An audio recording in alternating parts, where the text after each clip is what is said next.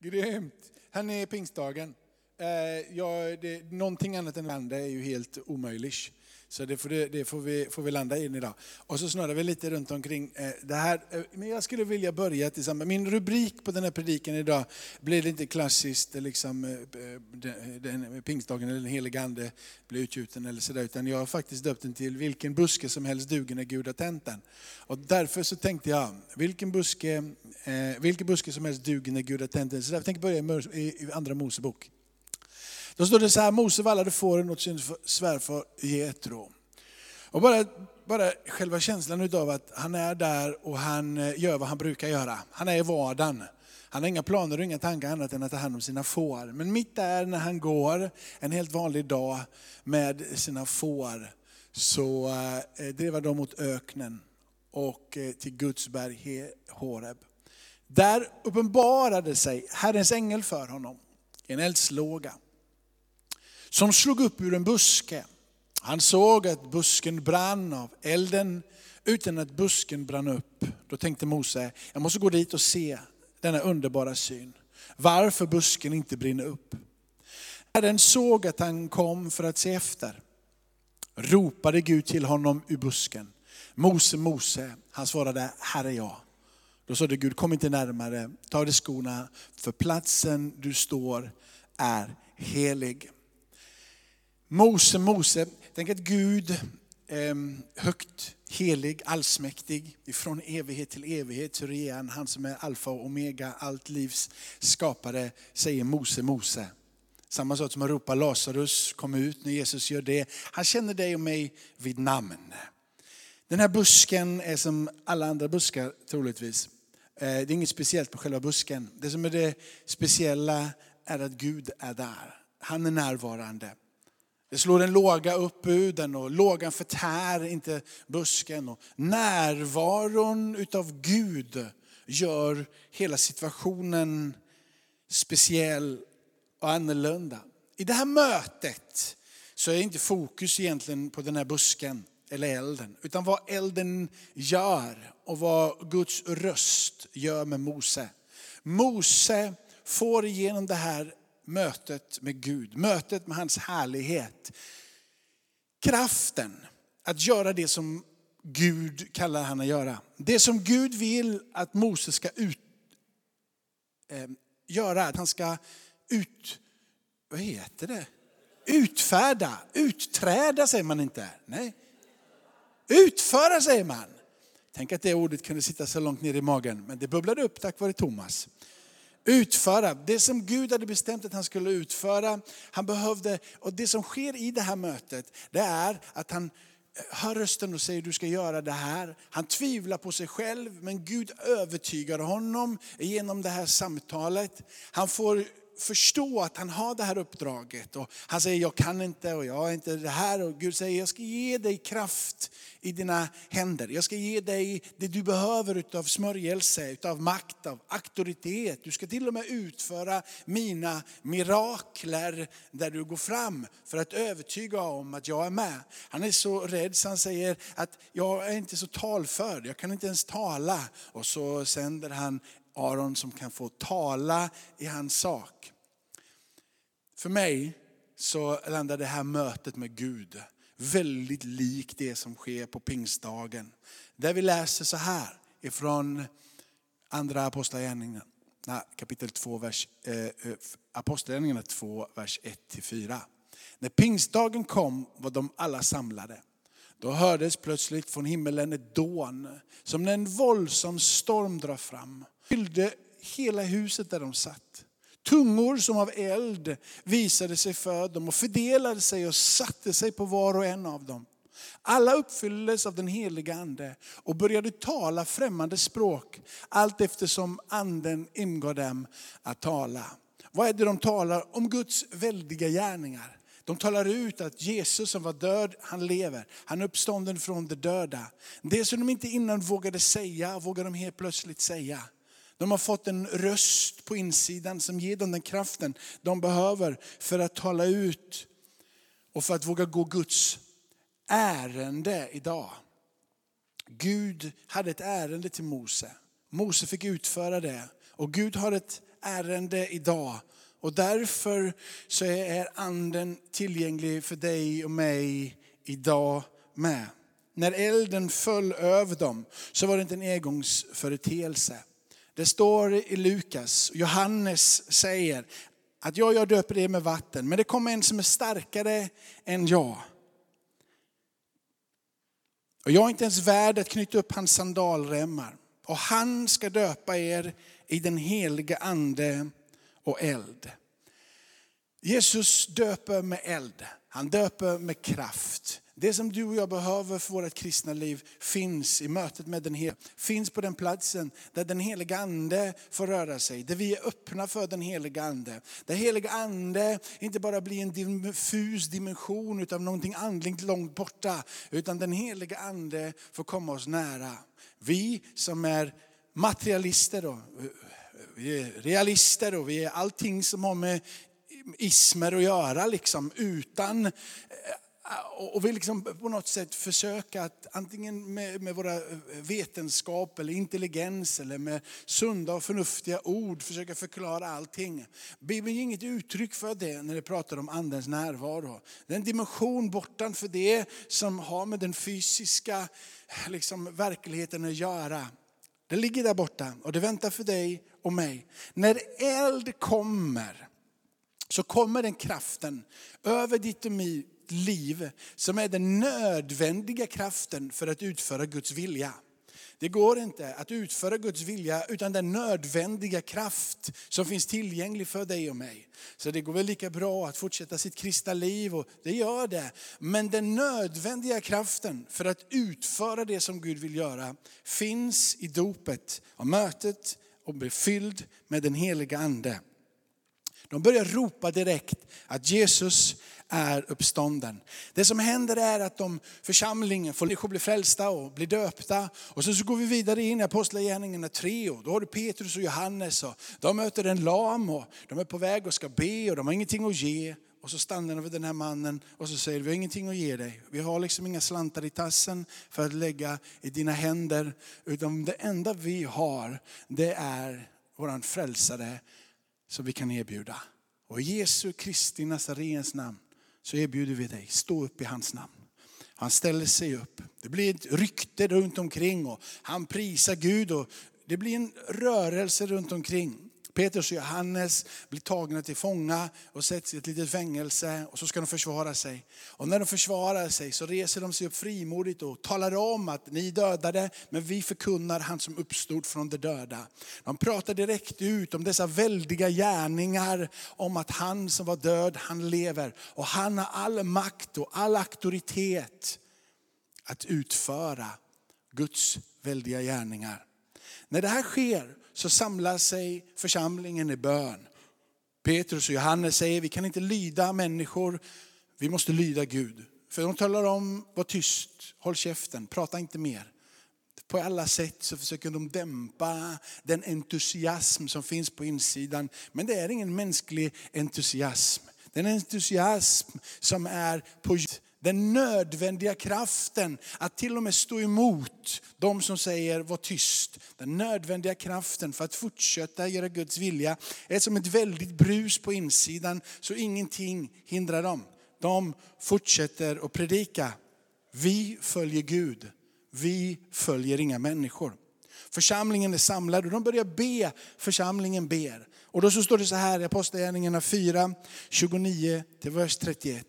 Och nu Herre, se hur de hotar oss. Hjälp dina tjänare att frimodigt predika ditt ord genom att du räcker ut din hand för att bota och låta tecken och under ske genom den helige tjänares namn Jesus. Och när de hade slutat att be så skakades platsen där de var samlade. Och de fylldes alla av den helige ande och predikade frimodigt Guds ord. Vad är det för någon frimodighet som kommer över dem? Är det liksom, eh, blir alla liksom, eh, den här tysta, timida personen förvandlas helt plötsligt till den där gapiga, skrikiga personen? Är det det som händer? Är det en personlighetsförändring som sker när anden kommer över dem så att de får kraft att predika? Det är inte det. Frimodighet är inte okontrollerad spontanitet. Där du helt plötsligt bara blir helt galen och pratar allt. Och du ska höras överallt och synas överallt och du måste vara som solen på himmelen, allt livs centrum. Det är inte det som händer när den helige ande kommer över dig. Men däremot så blir det en kombination utav en järvhet som kommer över dig. Med en, du blir liksom inte bakåtlutad utan du blir framåtlutad. Det finns en ande av att jag vill framåt. Jag vågar röra mig. Istället för att du kan liksom, äh, jag bara släpper det, jag tar inte det där. Så finns det en positiv envishet över dig. Och det finns en vishet som vilar över dig, hur du vet hur du ska hantera, vad du ska säga, när du ska säga det. När anden kommer över dig, den nödvändiga kraften för att utföra Guds väldiga gärningar, så får du en kämpaglöd på insidan som gör att fruktan och rädsla inte kan kväva och tysta dig. Du får en längtan att göra det som är rätt Snarare än fruktan att göra det som är fel. Ingenting som står där och vill hålla dig emot. Fångar dig, spärrar in dig, slår bojor på dig. Utan det föds på insidan en djärvhet att göra det som är rätt. Hur fångar man den här frimodigheten då? Hur kommer den? Det står be. De är i bön tillsammans och när de ber så sker marken skakas och de fylls med den heliga ande. Hur börjar man då vandra i den här frimodigheten? Du tar det lilla utav liv som du har med Gud, eller mycket. Och så börjar du att dela med dig till de som är runt omkring dig utav vad det är du har förstått, vad du, är, vad du har erfarit. Den där järvheten börjar ju inte med att du säger saker som du inte kan stå för. Järvheten börjar med att du säger det du kan stå för. Eller hur?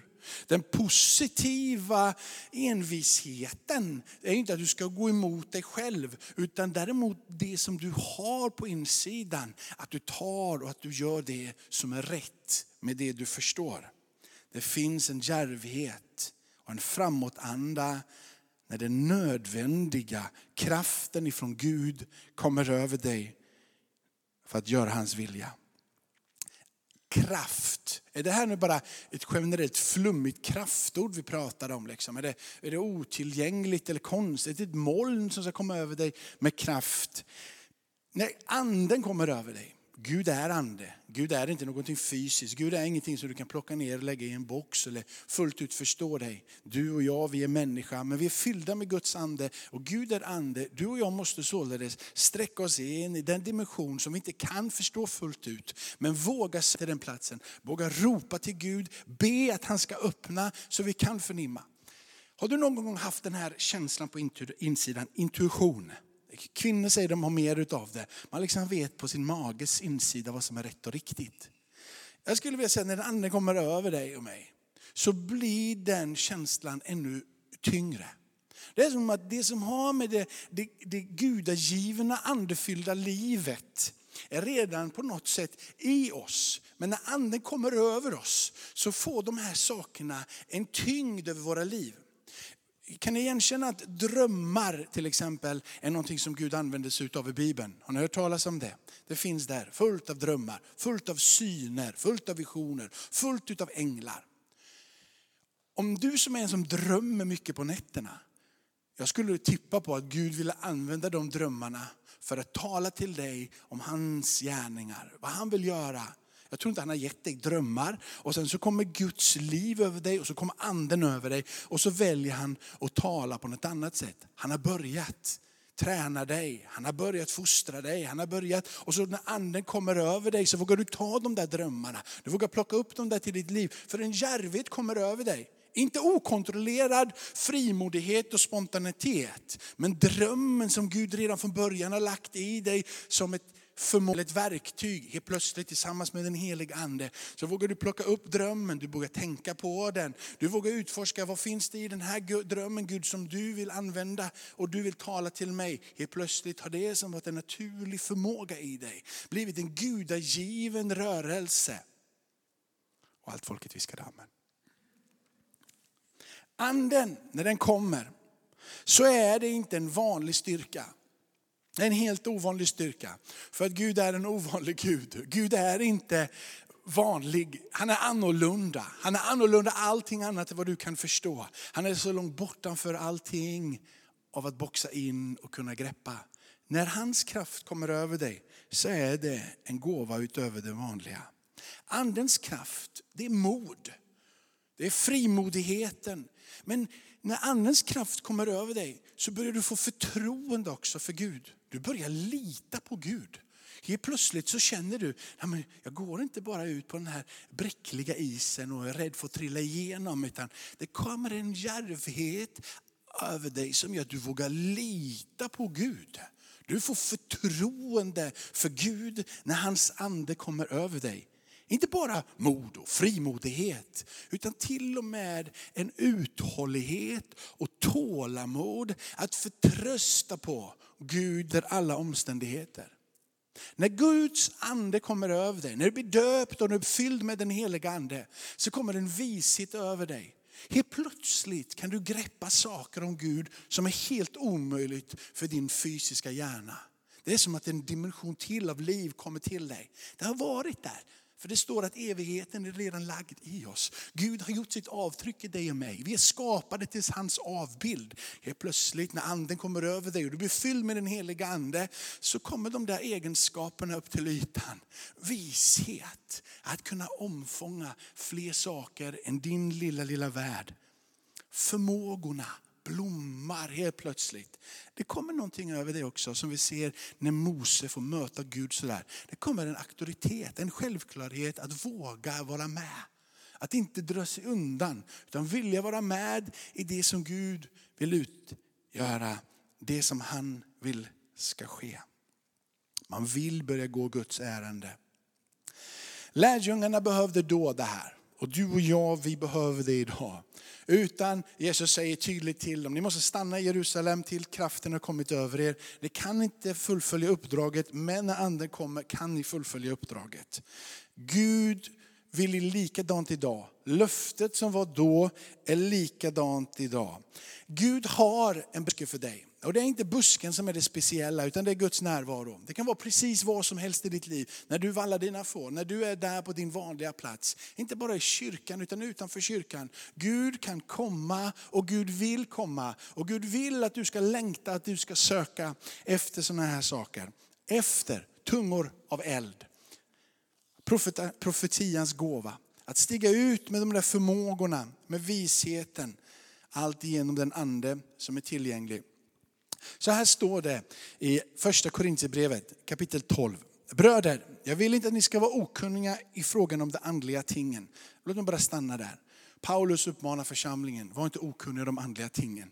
Du och jag behöver ju ta, inte bara Paulus undervisning om att älska varandra, eller ta hand om varandra, eller att hur vi ska helga oss, eller församlingen, hur viktig den är när Paulus säger sök de andliga tingen, sök en förståelse om de andliga tingen, så pekar han emot att det går att greppa en andlig verklighet. Han skulle aldrig inbjuda dig och mig att försöka förstå andliga ting om det var en total omöjlighet. Kanske så skulle den där pulsen på insidan behöva tändas lite. Så här, det finns en andlig verklighet att fånga. Det finns andliga ting som jag kan förstå, som inte bara är helt obegripliga, utan jag kan faktiskt fånga andliga ting. Det börjar med att det som du tror är Gud, eller det som är Gud, det som är den andens närvaro. Att med det, säger Paulus, när ni vet, när ni var hedningar, så drogs ni oemotståndligt till de stumma avgudarna. Därför ska ni också veta att ingen som talar genom Guds ande säger förbannade Jesus. Och ingen kan säga Jesus är Herre annat än i kraft av den heliga ande. Om du har bekänt att Jesus är Herre så är det första erfarenheten av att den heliga ande har verkat på ditt liv. Den heliga ande drog dig till honom. Jesus säger att ingen kan komma till Fadern utan att Fadern har uppenbarat det. Alltså anden har varit närvarande. Att du fick ut de orden ur din mun är andens verk, hans övertygelse på din insida, hans krafts närvaro som gör att du vågar egentligen säga att jag tror att min Jesus var död var nere i dödsriket, uppstod på tredje dagen, himmelsfärden, jungfrufödsel, jag gick på vatten. Jag kan bara fortsätta nämna det, det är helt puckat. Men när anden är över dig så blir inte det som är realistiskt bara den enda verkligheten. När anden är dig så blir det en djupare verklighet. Det är som att den här verkligheten som, som man inte känner av så mycket när man går till jobbet eller man är, man är i skolan. Men när anden är där så greppar man den här verkligheten. Intuitionen på insidan säger att det här är sant. Drömmar, och syner, visioner, känslan, erfarenheten av den här närvaron är att anden är här. Jag vågar tala och jag vågar säga, jag tror på Jesus. Jesus är Herre. När du säger att Jesus är Herre, så är inte du längre Herre i ditt liv. Det är det det innebär att ha någon annan som Herre. Du kapitulerar från ditt eget liv och säger, jag är inte herre över mig själv. Jag säger att Jesus är herre i mitt liv. Ingen normal människa gör det. Men när anden är på insidan så är det så att man känner sig manad att uttrycka Gud, dig vill jag följa. Jesus är min frälsare, han är min Herre. Så börjar Paulus gå ännu djupare i sin undervisning om de här andliga tingen. Han börjar med det som är fundamentet. Det anden gör är att du ropar att Jesus är Herre. Sen så säger han, det finns olika slags nådegåvor, men samma. Det finns olika slags tjänster, men anden är densamma. Det finns olika slags kraftgärningar, men Gud är densamma. Och så säger han, han som verkar allt i alla. Paulus säger, sök andliga ting. När du kopplar med dessa andliga ting och du börjar förstå de här sakerna i en djupare och vidare dimension, så kommer du få erfara att vi sitter ihop. Att vi är sammanlänkade med varandra. Han avslöjade ännu mer tydligt längre ner, vi är en kropp. Och han pratar om lemmar både här och i romabrevet. Att vi inte är skilda från varandra utan vi sitter ihop med varandra och vi sitter ihop med Gud. Du känner tillhörigheten. Han verkar allt i alla. Det är inga egna initiativ som ska blomma upp utan vi ska vara sammanlänkade och igenkänna initiativet från Gud i varandras liv. Och på det sättet fånga den järvheten som bara kommer med andens närvaro för att uträtta hans väldiga gärningar. För att gå den riktning som Gud kallar oss att gå. Han säger att hos var och en uppenbarar sig anden så att det blir till nytta. Anden agerar för ett syfte. Precis på samma sätt som Jesus kom till jorden för ett syfte. Andens närvaro i ditt och mitt liv för ett syfte. Leda dig, ta hand om dig, men också att ge dig den där kraften så att du kan uträtta hans väldiga gärningar. Det finns ett syfte med den helige Ande. Det är inte bara att lägga sig ner och jodla lite och klia dig på magen tillsammans med den helige Ande, även om det är härligt. Vad han gör är att han vill sända dig ut på det som är det viktigaste uppdraget. Att förkunna och genom helande under och tecken göra de gärningar för att visa på Guds härlighet.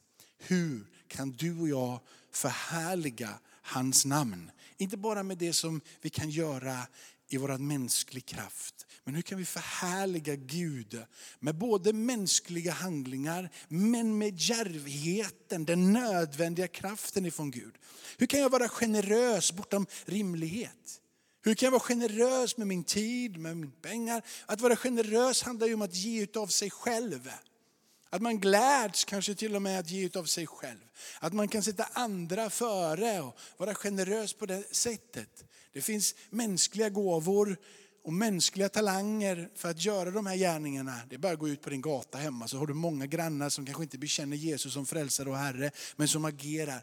Men när anden kommer över dig och du har naturligt i dig att vara generös, så är det som att det finns liksom ingen bidde längre. Du dräneras inte på kraft. Du får ta emot en innerlig, djupare djärvhet. En kraft ifrån han att göra vad de saker som han vill. Säger han vidare så här. Den ene får ord av vishet av en och samma ande. Den andra får ord av kunskap av samma ande. En får tro genom samma ande. En får gåvan att bota sjukar genom samma ande. En att utföra kraftgärningar. En får gåvan att profetera. En annan att skilja emellan andar. En får gåvan att tala olika slags tungomål. En annan att uttyda tungomål. Allting verkar med en och samma ande. Han fördelar sina gåvor åt var och en. Sök först de andliga tingen. De här gåvorna, det är inte belöningar. Det finns inget A och B-lag. Vi är alla ett och samma lag. Hur du än tycker och du personligen skulle vilja liksom gradera någon typ av gåva över den andra så är det helt omöjligt att göra. Det är dina egna preferenser. Det är du som tycker att den gåvan är viktigare än någon annan gåva. Det är inte någonstans så. Allting fyller sitt syfte. Tå sin funktion på kroppen och ögat har sin funktion. De bråkar inte med varandra. Om du känner så här, men vi får inte prata för mycket om det här med under och tecken för att då är det några som inte känner att de är tillräckligt värdefulla och de är sämre kristna. Det är du som säger, det är din egen värld. Kanske din egen stolthet, kanske din egen avundsjuka som talar. Ingenting av det ges utrymme för där anden verkar. Den ska vara till nytta och den ska vara för att sammanlänka och sammansvetsa med oss varandra. Men vi får, inte, vi får inte gå för mycket åt det hållet för då blir vi rädda. Går vi för mycket åt det hållet så händer det här och för mycket åt det hållet så händer det här.